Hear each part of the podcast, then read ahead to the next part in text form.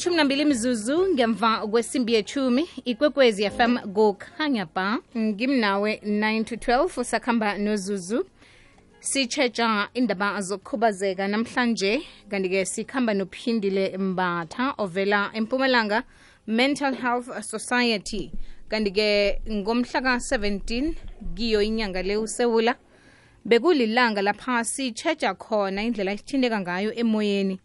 Khulukhulu ukuthuka khulu lokha nakunento eyenzekileko yasithusa yasithinda kumbi emoyeni yasithinda kumbi ehliziyweni. Siza kuthi ke i-world trauma day sesiphindile launcha uvukile?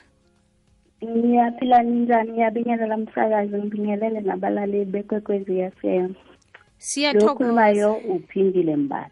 Mhm. Siyathokoza bona ube nathi namhlanje emhathweni ikwekwezi FM okay sayi siyathokoza nathi ukuthola ithuba mhm sesiphindile igama elithi i-trauma silisebenzisa lokha nakunjani lokha nakwenzeke ini? Yinto ekufanele ibe yimbi kangangani nasiza kuthi leke yi-trauma i-trauma i-experience leyo esuke yenzeka after ubeke isigameko esithusayo.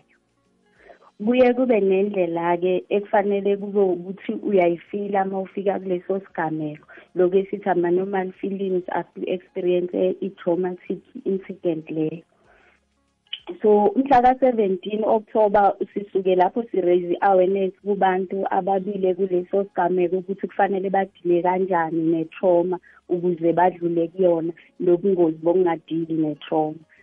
Ama-normal feelings ma udila nelonto ube kwi-traumatic incident kungenzeka ungalali ube nama-flashback ebusuku. Lokho kunormali but sithi akufanele kulaste more than three weeks.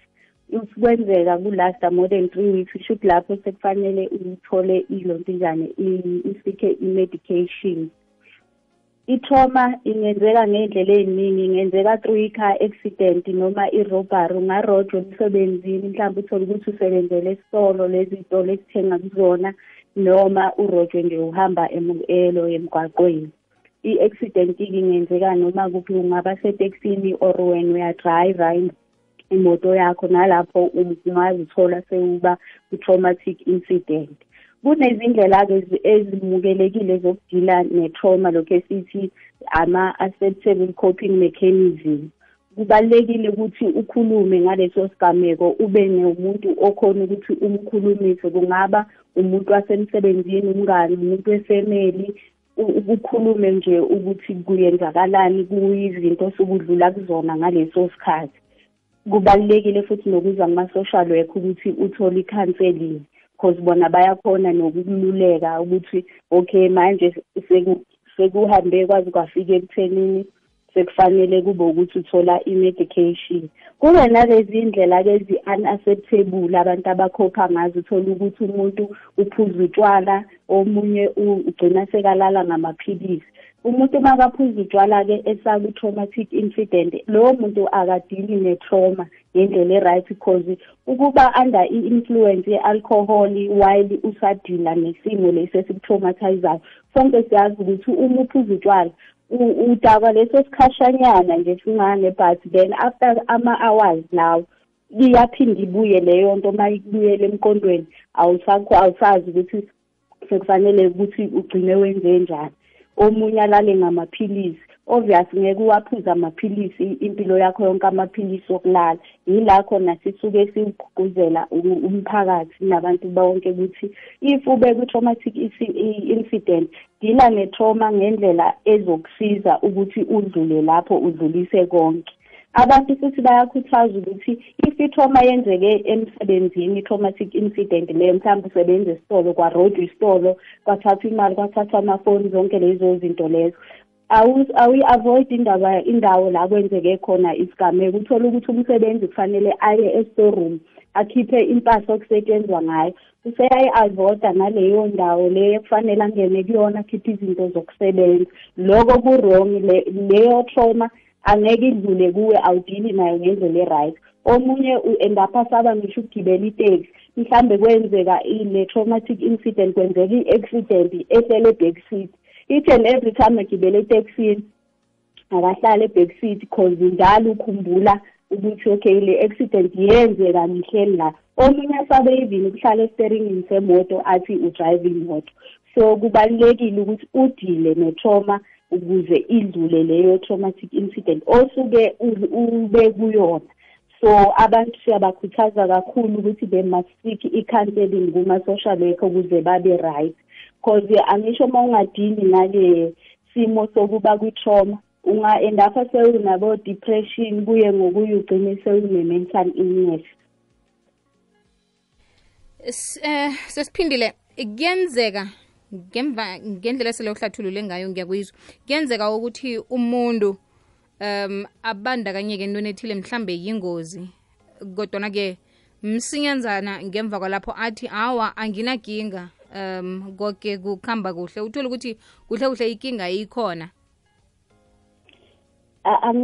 Angithi uma sabantu sihlukahlukene nangendlela esi-reacta ngayo after sibe ku-traumatic incident ihlukile.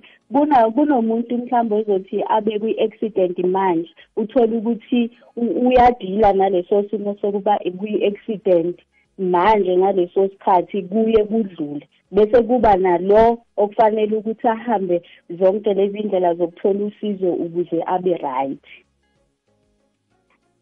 Ngiyakuyizwa. Ikwekwezi FM kukhanya bhayi lithumi nethoba imzuzu ngemva kwesimbi yechumi ngimnawe 9 to 12 sitsheje ihlangothi lokukhubazeka kanti-ke sikhuluma ngendaba yokuthuka kakhulu um nakwenzeke into ekuthusako ukuthi kuyini ekufanele bona ukwenze. Kinanyana yini ethinda ihliziyo ethinda umoya ethinda ingqondo? Um kufanele bona sifunyane isizo kodwana-ke lisizo elinjani? Godu silifumana kuphi sikhambisana nophindile mbatha ovela impumalanga mental health society ke sithengise sesiphindile siyabuya.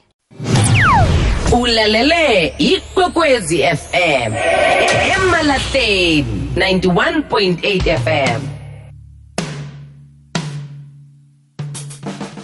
imashumi amabili nanye imzuzu ngemva kwesimbi yechumi kwekwezi fm kukhanya ba sesiphindile yebo. Njengoba na-ke uh, uveza bona umuntu kufanele akhulume nama-social worker kufanele afumane isizo singalindela bona yinto efanele ithathe isikhathi singakanani ukuphola um namkha ukuphela indaba okuthukwa le nange umuntu athukwe khulu? Eh isikhathi okufanele kube ukuthi uma uthukile asidluli. La ma-feelings osuke uwafila ngaleso sikhathi akufanele kube azolasta more than three weeks. Should lapho sewudinga i-medical attention makudlula ku-three weeks sekufanele urifeywe esibhedlela. Wenza njani lokha nakunandi kuba nezinto ezivuselela lento eyakuthusa khulu? Yiko-ke sithi kufanele uze kuma-social work ukuze uthole i-counseling. Makulokho kuvuka lezo zinto kusho ukuthi leyo trauma ukuthi ungadilanga nayo ngendlela yokuthi uze wasizakala nje wareacha istage sokuthi aselithile wadlula lapho. Ona inande ibuya kutsho ukuthi okay kutsho ukuthi awukaqedi indaba iyisele ngakuwe. Yeah. Ukukhuluma nabantu khona sesiphindile um ungathini ngakho? Ngoba uthola kokhunye umuntu ukutshela ukuthi uza kusizwa ukuthi ukhulume nomuntu ongamazi komunye yathi hawa sukhwela ibhesi nje umuntu ozomfumana lapho ucoce naye namkha ukuhambe yokuhlala ephageni umuntu ozomfumana lapho ucoce naye. Kusiza kangangani lokho? Ukukhuluma nje kuyasiza cause angisho uma singabantu ne kuye kube nalo muntu ombonayo ukuthi uyakhulumiseka noma umchazele inkinga uyakusupport-a ngendlela e-right uyakhona ukulalela akunike ne-advice e-right.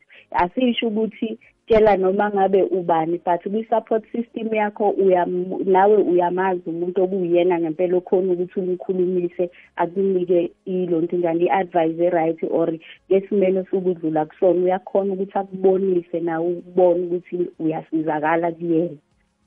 Kuyezwakala sesithembi nifumane kanjani-ke um kubana sifumane isizo kini? Okay empumalanga mental health society ama-services wethu are-free kuma-client nasemphakathini yonke abadinga usizo. Sitholakala ku-0 81 716 9795 noma ku-0 81 390 5303 kuzwakele sithokoza kakhulu eh, sesipindile ngesikhathi sakho nilwazi osiphathele lona. Okay so abalaleli nje there's no health without mental health abasebenzisa sikhona ukubasiza siyabona siyathokoza. Okay. Kuqakathekile ukuyelela nokufundiswa ngobujamo bokuphila kuhle komkhumbulo nokuthikamezeka kwawo. Faka isandla nelizwi lakho nawe ngokuthi ufundiswe bewufundise ngokugula komkhumbulo. Ngokwenza njalo kuzokusuka isinamathela nenkulumo ezitsimako ngokugula komkhumbulo. Hashtag asenze ukuphila kuhle komkhumbulo kube ngewomuntu wonke Bre, bre, bre.